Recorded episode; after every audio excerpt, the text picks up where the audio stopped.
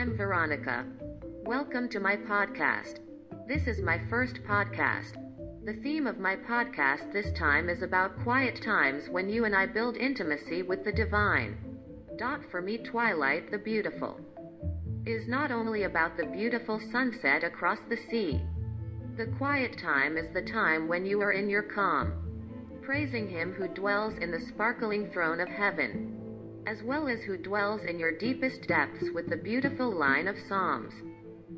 Calm your heart and mind, let God speak something for you from the Psalms you hear.